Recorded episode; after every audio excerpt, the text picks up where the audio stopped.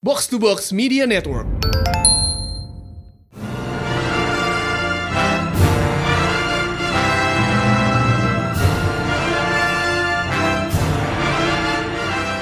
Selamat datang lagi di Komodek Podcast bersama Mindan. dan High Priest. Ya, eh, kita sudah memasuki final Fantasy Malls kita. Akhirnya dari lima buku ya. Lima. Mhm. And as promise kita bakal balik full circle. Kita balik ke Dungeons and Dragons. Eh, kayaknya nggak akan berhenti ya kita Dungeons and Dragons so it's a part of our brand now. Apparently so, kayak berapa bulan ini kayak dari evangelist D&D banget. Heeh, Tapi nggak apa-apa lah. But hey, Speaking the words. Uh, so, tapi ini bukan D&D sembarang D&D sih. Kemarin pertama kita ngomongin crossover kan, Rick and Morty D&D. Iya. Kali ini kita ngomongin crossover juga. Mungkin lebih ajaib lagi karena ini essentially adalah Great Old One D&D. Uh-huh. Lovecraftian horror plus D&D, which is very cool. Itu kayak udah salah trope juga sih kayak, kayak I mean Lovecraftian horror this massive fantasy thing juga kan. Mhm, In a way. mhm. Oke, jadi eh, topik kita kali ini adalah Infestation 2 Dungeons and Dragons. Itu tie-in dari eventnya IDW yang judulnya Infest- Infestation 2. Beberapa bulan yang lalu kita pas Halloween kita sempat bahas Infestation 1 kan. Mhm. Dan Infestation nih sebenarnya kayak salah satu event IDW yang menarik banget menurut gue. Gue suka karena eh, sidebar komik Infestation pertama gue tuh TMNT dan itu keren banget.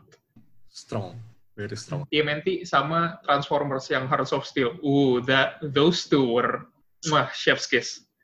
Oke, jadi a little background Infestation. Dari Infestation ini eh, inti ceritanya adalah so this evil thing kayak dia menyebar ke seluruh kayak multiverse IDW kayak properti-properti yang mereka pegang saat itulah. Infestation one was zombies. Jadi lo punya zombie itu nyebar ke G.I. Joe, nyebar ke Star Trek, nyebar ke I think, Transformers, kayak sama beberapa properti mereka lah ini ya. Mm-mm.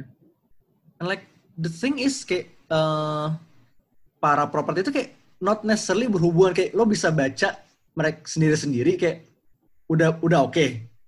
Tapi kayak emang ada overarching story-nya. Tapi optional. Kayak lo bisa baca let's say lo baca Star Trek Invitation doang terus kayak udah. Yang lainnya nggak dibaca nggak apa. Emang bagus sih jadi cerita lepas. Konsepnya menarik dan writingnya semua kayak eh, how do I say this? It's like popcorn flicks but comics. That's it. Popcorn banget. And the second one ups the ante like by five times. Karena kali ini bukan cuma zombie. The problem is uh, eldritch horrors. Extra dimensional beings gitu. And that's so cool. Jadi kayak ini kayak Lovecraftian plague gitu lah intinya. Oke, how do you top a big crossover zombies? You throw in great old ones. That's how you do it. gue gue sebenarnya nggak tahu kalau mereka pengen naikin lagi gimana caranya. How do you top this? How do you top this? Infestation 3 udah ntar meta ini kayaknya. Ini langsung writers yang turun tangan ngacau ngacauin dunianya. Anjir, ngelawan Petli. Anjir. Super apa? Michiyame no Tehi Funana. Funana. Eh, kalau penasaran, Google it. Eh, Mhm. Atli Dreamwave itu sebuah saga yang kayak kita nggak bakal bisa muatin satu episode karena itu epic banget. Aha. Itu kayak salah satu rabbit hole pertama kali gue terjun ke dunia komik sih. Kalau lo Michiyame no Tehi. baca kalau lo sering baca komik Transformers era-era Dreamwave itu pasti lo familiar dengan artnya dan familiar most likely familiar dengan orangnya. Eh, to put it simply, Petli itu kayak eh, Petli is the Rob, Rob Liefeld to Transformers. Hmm, gue sedikit kesel tapi ada benarnya. Lo kalau pernah ngelihat gambar Captain America yang teteknya super gede itu, eh, ada satu gambar Transformers legendaris yang gam- eh, gambarnya itu Optimus Prime lagi nunjuk, tapi proporsi dan eh, perspektifnya tuh seakan-akan bikin leher dia panjangnya kayak 15 meter sendiri. It's so wild. In a nutshell, dia tuh bikin Transformers dan Mystic. Hmm, Pretty much. yes. Oke, back to our topic. Invest- Oke. Infestation 2 Dungeons and Dragons by Paul Creeley sama artnya Valerius, Valerius Kitty. Ini Valerius Kitty ini kayak dia belakangan ini mungkin lo sempat lihat artnya dia di Guardians era Bendis. Kayak zaman-zaman zaman-zaman para Guardians mampir kelintar. Ya, Dia juga Iron Man sempet kan ya? Iya, Iron Man juga sempat. Heeh. Ya, kayak berapa belakangannya kayak namanya mulai naik lagi. Mulai lumayan banget Heeh. naik. So so that's how you pronounce his name, Skippy ya. Eh, kayak, kayak it's- Oke. Jadi kayak gue I assume sih ya. Karena itu, oke. Hmm, ya, kenapa? gue awalnya baca tuh shitty terus gue kayak no there is no way ada No, orang gak enak namanya kan? shitty Gak enak kan? iya Anyway, eh, sebenarnya kayak kita punya beberapa pilihan komik D&D juga yang mau dibahas, tapi kayak pilihan gue jatuh ke ini karena it's a bit familiar karena settingnya di sini adalah Eberron. Hmm, hmm, hmm. And for the record, Eberron ini adalah setting di mana gue, abang dan beberapa teman-teman lainnya bikin campaign yang dari ke mana kita ceritain itu. Terus settingnya, gimana? I mean, it's fun, kayak menarik banget. kayak gue eh Eberron yang gue bayangkan di otak gue tuh persis kayak di komik ini dan abis gue baca komik ini tuh kayak yes this is Eberron this is like the best place now. Eh, jadi most of the action di komik ini ada tempatnya di kota namanya Sharn. Itu kayak basically, oke lo bayangin kota steampunk. Tapi all the steam lo ganti dengan magic. Mhm. Jadi vibe-nya itu kayak emang rada-rada Victorian. Tapi kayak semua teknologi itu lo ganti jadi magic. Kayak lo punya eh, airship yang diterbangkan dengan kayak pow- kekuatan air elementals. Lo punya eh, magic is everywhere. Kayak um, Majorite is a thing. Jadi lo punya tukang itu kayak bahkan tukang itu mereka kayak mastering low level magic. Jadi kayak stage hand terus kayak pekerja-pekerja bangunan gitu mereka pakai magic. Mhm. Cool. kayak gimana ya? Ini yang gue suka sebenarnya. Kayak the idea of machines powered by magic, that's really cool to me. Gak kayak eh, magic doing something it's supposed to do tuh kayak eh how, how do, how do I say this?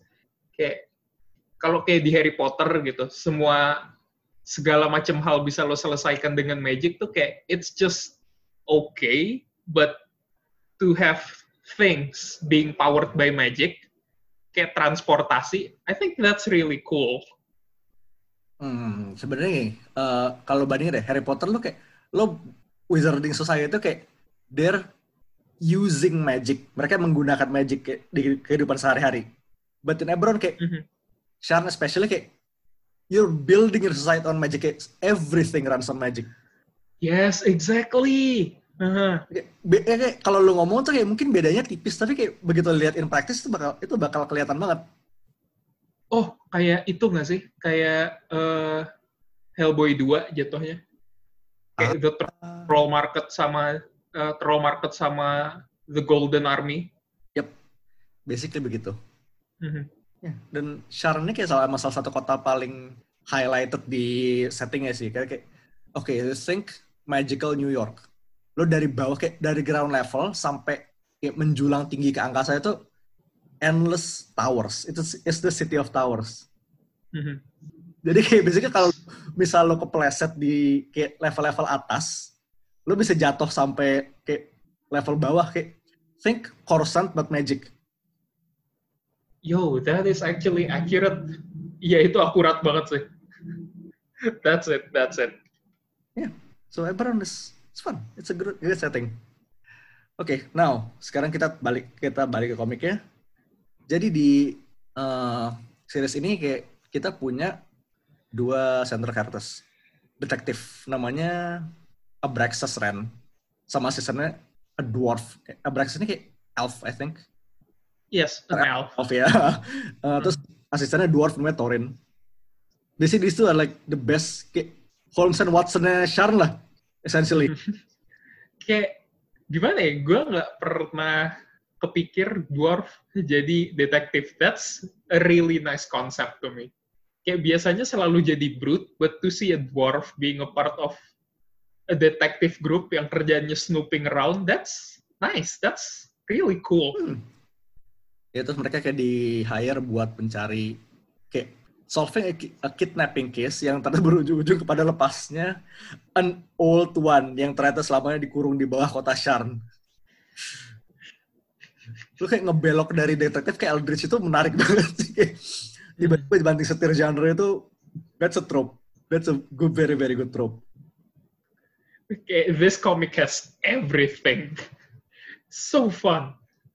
Eh, terus kayak kita bisa langsung masuk ke momen sih kayak establishing momentnya itu sebenarnya yang lumayan brengsek adalah di awalnya di literally di scene pertama nih ya. Mhm. ya Braxos ini kayak di hire buat solving a murder. Terus pada akhirnya kayak nunjukin dia nunjuk suspek ya. Like the whole family is in on the murder ternyata. Dan kayak prime suspeknya itu dia kayak mau kabur keluar jendela Mhm. sama anggota keluarga dibilang kayak oh nggak apa-apa. Dia nggak pernah bangun dia nggak pernah nggak make uh, Vaterfall talisman dia. Jadi Vaterfall talisman is a thing. Lo pakai itu basically adalah parasut magical parachute. Jadi biarpun lo jatuh sejauh itu ya lo mendarat aman-aman aja. But boy, oh boy. terus terus tiba-tiba si Ren ngebuka jaketnya kayak dia udah udah udah make talisman si suspek ini itu so epic like brengseknya kena I love it Gimana ya? This is the sort of comedy I really like gitu loh. It's kayak playfulnya tuh kayak playfulnya Edgar Wright, tapi di komik.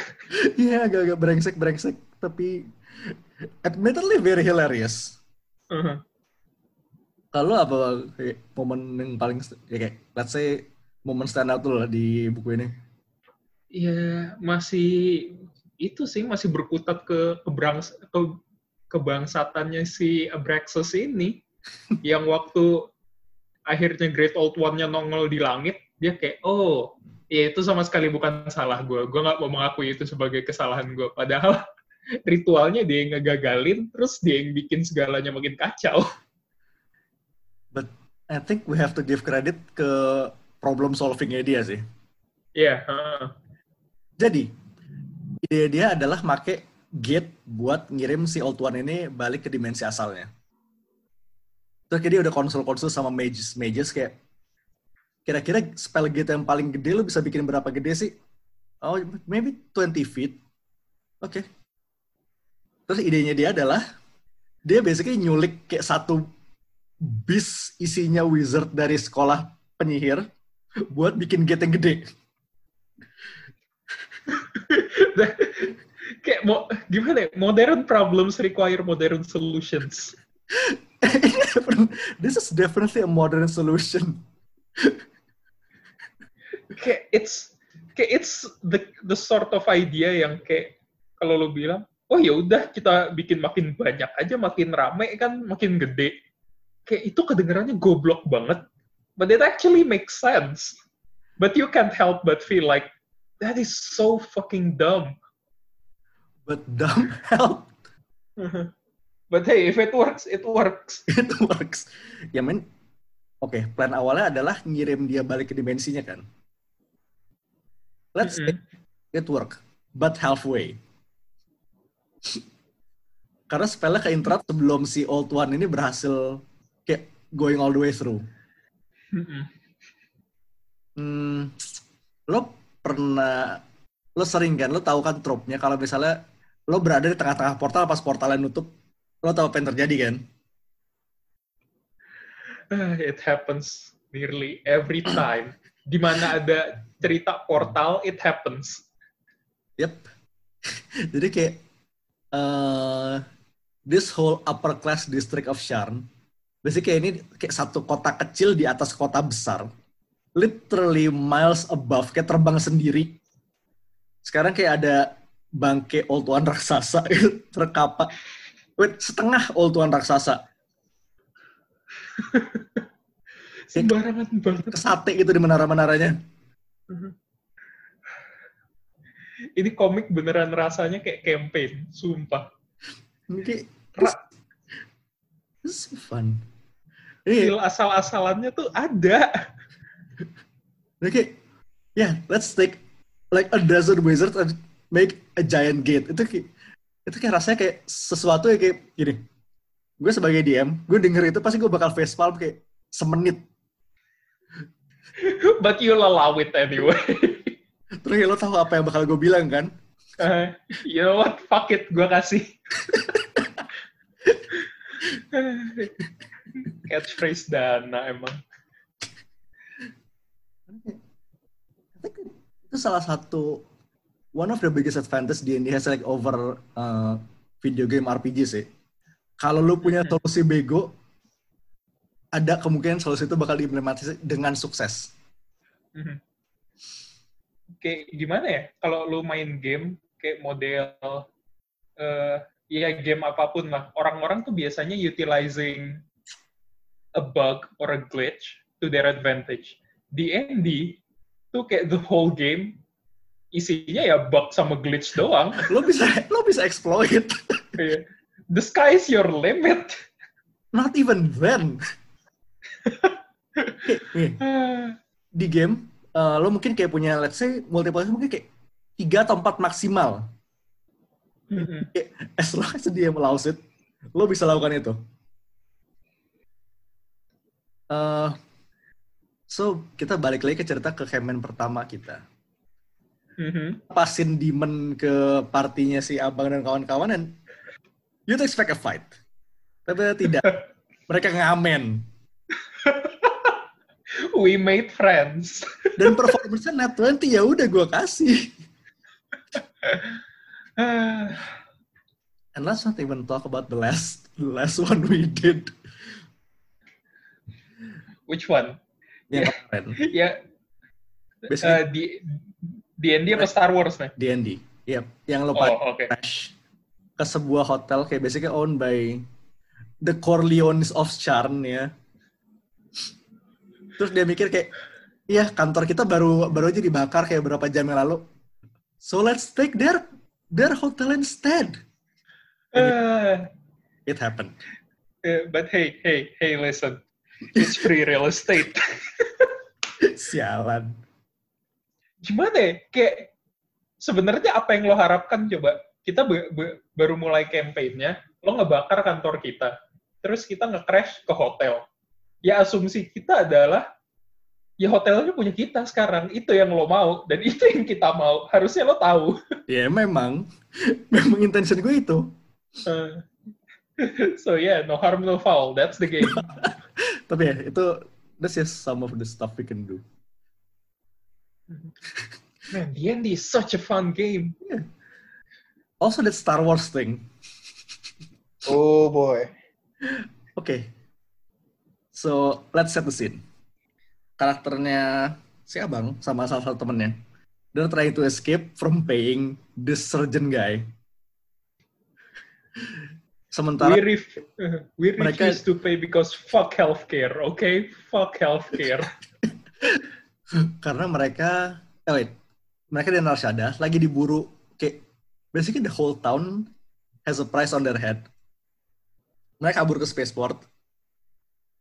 Si surgeon ini, who is another player character by the way, dia nyoba nembak si Chrome sama Marax tuh karakternya si abang sama teman kita satu lagi.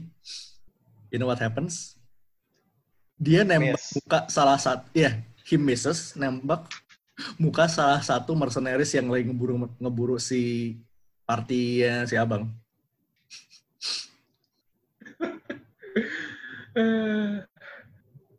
In my defense, the surgeon in question was a stormtrooper. So missing is in his blood. itu kesalahan terbesar dia sumpah. Kalau kalau dia basing karakternya bukan stormtrooper tapi death trooper, he might actually have a chance. Still, this fun. Mhm. Terus dengar-dengarnya ada yang mau mencoba DM ya. Jadi akhirnya gue nekat buat nge-DM dan game pertama gue bakalan based on Avatar. Bukan Avatar biru ya, The Legend of Aang. Yep. We'll see how it goes. We'll see how it goes. Dan gue sempet eh, diliatin notes sama dia ya. There's this one group of bandits called the Sandstorm Bandits. gue mau tahu kan denger kayak ngelihat baca namanya.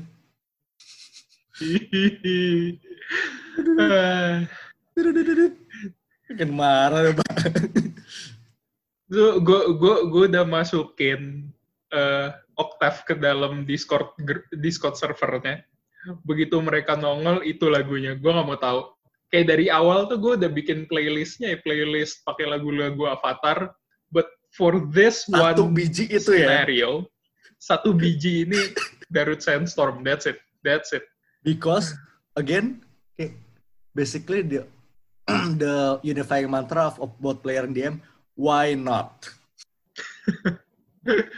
Why not? Ini sebenarnya gue semacam ini karena gue masih DM baru, belum nyoba sama sekali. Notes gue gue bikin detail banget.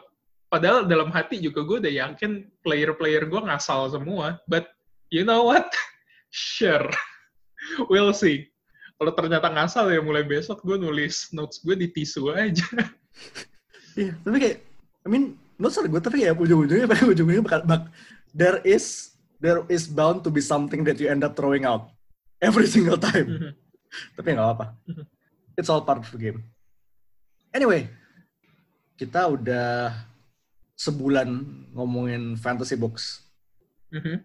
Mungkin kita punya beberapa buku yang didn't quite make the cut. Again, kayak beberapa buku keren sih. Yang ada beberapa juga yang sebenarnya related sama topik kita kali ini. So, first things first. Kita mau rekomend Infestation 1. Iya.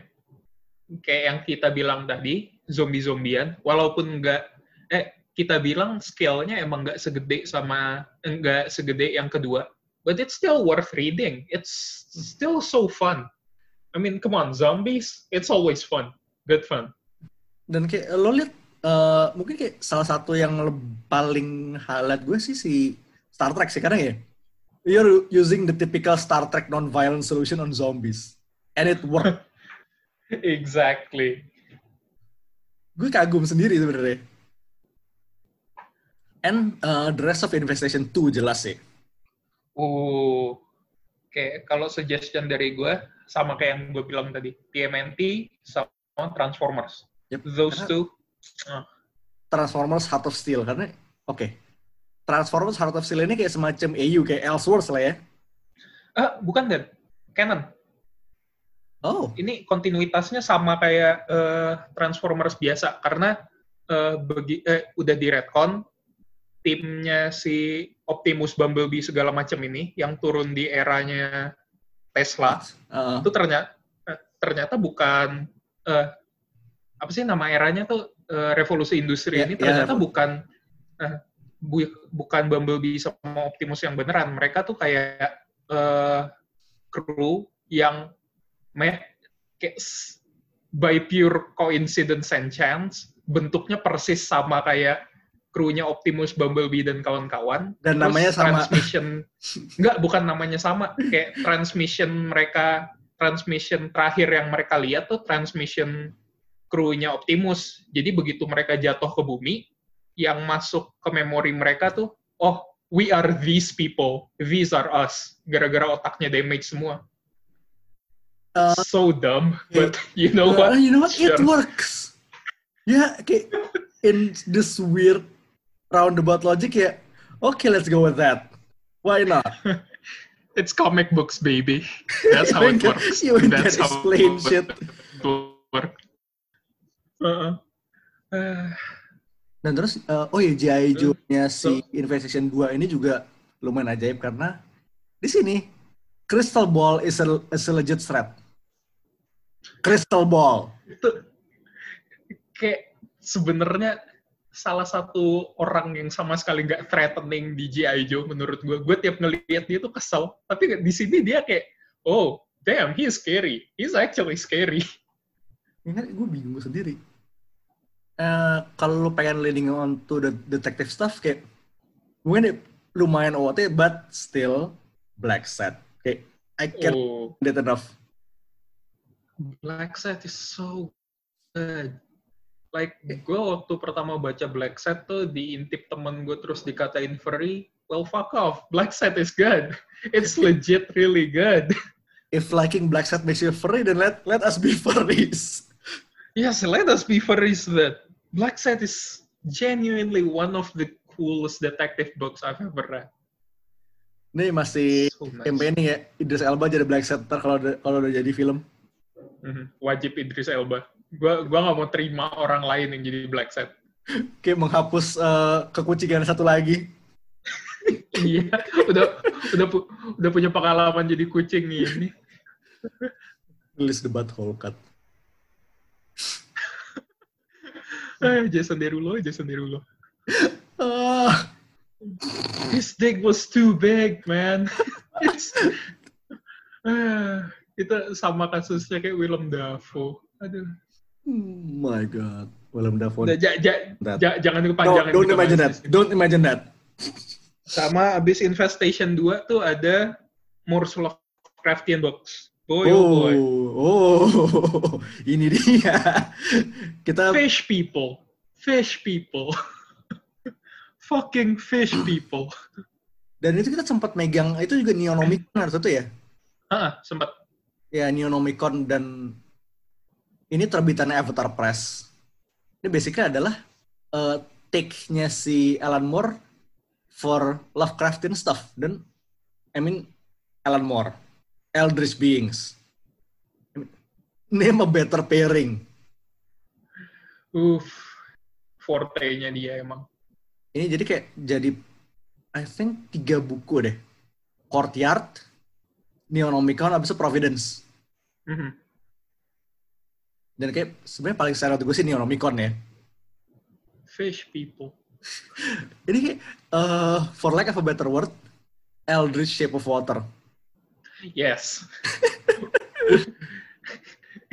kayak to make it even worse, without consent. Uh,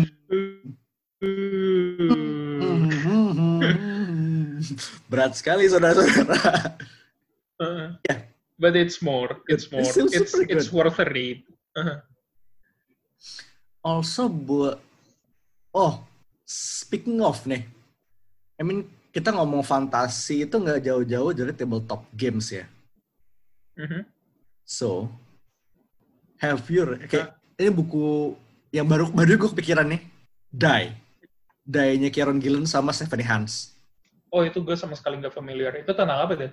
Uh, essentially adalah these people, mereka kayak terjebak dalam tabletop game. Go on. Premis, I'm listening. biasanya premisnya itu. Tabletop game apa? Uh, kayak proprietor kayak bikin mereka sih kayak it's a original game yang kemudian diport jadi game beneran. Oh, oke. Uh, Maybe in the sentence itu kalau bi lo bilang mungkin ini kayak Jumanji, tapi lo kejebak di dalam game D&D. Wow, oke. Huh, that's that actually sounds pretty cool. Oke, ntar gue cek deh. Dan setahu ya, saya ingat gue kalau salah bener-bener ada kayak dibikin game ya bener. Oh beneran dijadiin kayak Kickstarter gitu or Eh, sebentar. Seingat gue sih pernah. Seingat gue sih ada ya. Yep, it's in open beta right now. oh oke. It as of tahun lalu sih open beta. Hmm, menarik. Hmm, hmm, hmm. Ayo gue sekali lihat lagi. Also, Mhm. yang lebih enteng nih, kayak fantasy yang lumayan enteng, we have Skills and Scoundrels. Ah iya, tuh kayak tiap kita bikin list buku buat dibahas selalu keungkit tapi nggak jadi-jadi. One day. One day. One day, one day, I promise, one day. Ini kayak emang bener-bener straight up fantasy sih kayak uh, So is this this girl Kayak dia bertualang, berkelana Kayak ketemu orang-orang Kayak bertualang dengan beberapa party berbeda lah istilahnya kan lu Kayak dia keliling party gitu Mhm. It's fun, kayak comfort book aja sih Kayak It's a nice read. hmm, relatif kayak all ages gitu Mhm. ini tuh kayak kayak in some way itu semacam kayak I want to say fantasy by way of like Lamborghini Squirrel Girl gitu loh. Ah iya, heeh, exactly. Bacanya anget aja gitu. It's fun. Ini tuh boom kan ya? Ini I want to say boom apa image ya? Kayaknya boom sih. Eh, image image. Soalnya how oh image. Hawanya boom banget soalnya. ya kan? ya gue tuh bahkan kayak sempet sempet lupa gitu ada also mungkin couple more things. Oh, gue tahu. Ada satu lagi sih. Apa tuh? Apa-apa? Kill six billion demons. Oh. Kayak gue nggak pernah, gue nggak expect kita belum pernah bahas itu loh. Why haven't we talked about that one yet? Karena world building itu bagus banget. Biasanya kayak emang hell realm gitu kan. Mhm. Emang kayak gue baru baca chapter-chapter awal karena kayak that's the thing buat buat gue dan webcomic sih kayak gue udah fire buat baca nih.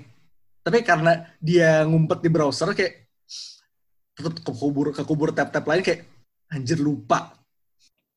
Iya, selalu itu. Eh, Soalnya gue baca kan di Kalau browser megang- di browser HP ya. mhm. FYI aja di HP gue sekarang ada browser right as the time I speak sekarang nih ada 482 tab. Anjir, dan dana. Ini kalau gue scroll ke atas sih gue yakin banget nih kayak ada tab dari tahun 2016. Anjir. Dan gue takut sama lo. Eh, Emang bukan orang. Ya kayak SBD so good. Kayak awal-awalnya bagus dan mungkin kalau buat lo yang eh, para pemain tabletop dan suka mecha, Mhm. eh, Abaddon si artisnya artis KSBD ini dia punya andil di salah satu eh, game tabletop mecha namanya Lancer. Kayak gue udah baca. Oh, yang waktu itu. Iya, iya. iya. exactly itu Abaddon kebanyakan artnya. Oh, anjir. Oke. Itu kayak lumayan. Kapan kita mainin itu dan ini great best menarik sih gue, gue pengennya bakal dicoba one day. aduh anjir dan kita udah kebanyakan game. Gue seneng sih tapi lama-lama It's a good problem to juga. have. Iya. Eh, It is, but fuck man. Lu bahkan nggak main, Eh. lu, lu nggak main Lancer aja nih, lu kayak you can get a kick from just reading the art, kayak ngelihat art ya. Karena ada Abaddon dan ada James Tocco. Oh, Stoko is a legend. Mekanya Love tuh that nggak, guy. mekanya tuh nggak nggak itu nggak unorthodox sih, I want to say. Desainnya keren-keren banget sih. Oke, sebelum ini kita kejauhan, Ya, se- sebelum kita melipir lebih jauh lagi, mending kita tutup sekarang deh. Yep. Ending Fantasy Month Yep. for this year. for this year, kita mungkin bakal balik ke Fantasy Month mungkin tahun depan. Hmm. Pokoknya yang penting kita ngumpulin list buku dulu as as usual. Next week Mhm. Kita punya buku let's say I want to say light reading kayak I mean these are hard times. It, Are it totally times. is. You can you can say that again, man. Mungkin kita mungkin kayak mungkin kayak sekitar seminggu dua minggu ke depan kita bakal ngambil sesuatu yang lebih light, lebih menyenangkan lah. Balik ke Big Two juga. Yep. Itu, itu, ini salah satu series yang kayak selama rilisnya itu kayak gue looking forward buat tiap tiap minggu sih, eh, tiap bulan sih. Uh-uh. It's fun. Emang menyenangkan banget sih. Ya kayak lu lihat art mungkin sebagai tease satu kata sih, Guri Hero. Hmm. Lu kayak udah denger namanya kan langsung udah anget kan? Uh-uh. Jelas banget sih. Eh, jadi ya lihat aja nanti. Eh, satu lagi pertanyaan yang mau, kita, mau gue tinggalin buat para netizen sih. Go ahead. Buat lo pada yang udah pernah main tabletop kayak Dungeons and Dragons, Cyberpunk, whatever, pokoknya yang penting game tabletop. Do you have an interesting story to share? Kayak setiap table pasti punya cerita. Yeah. Okay, if you do, please share it with us. Yep. We love reading stories. Kayak mishap-mishap dalam campaign tuh kayak salah satu pleasure kita. Yep. Paling hobi baca itu. kayak bahkan mungkin horror stories tuh kayak ya itu itu sedikit itu guilty pleasure. Tapi you know share the good ones. We want to we want to know. So Eh, we will be seeing you next week dengan Mhm. Good Hero. Yeah. Yes. yeah. So for now this is Mindan. This is High Priest. signing off. Peace. out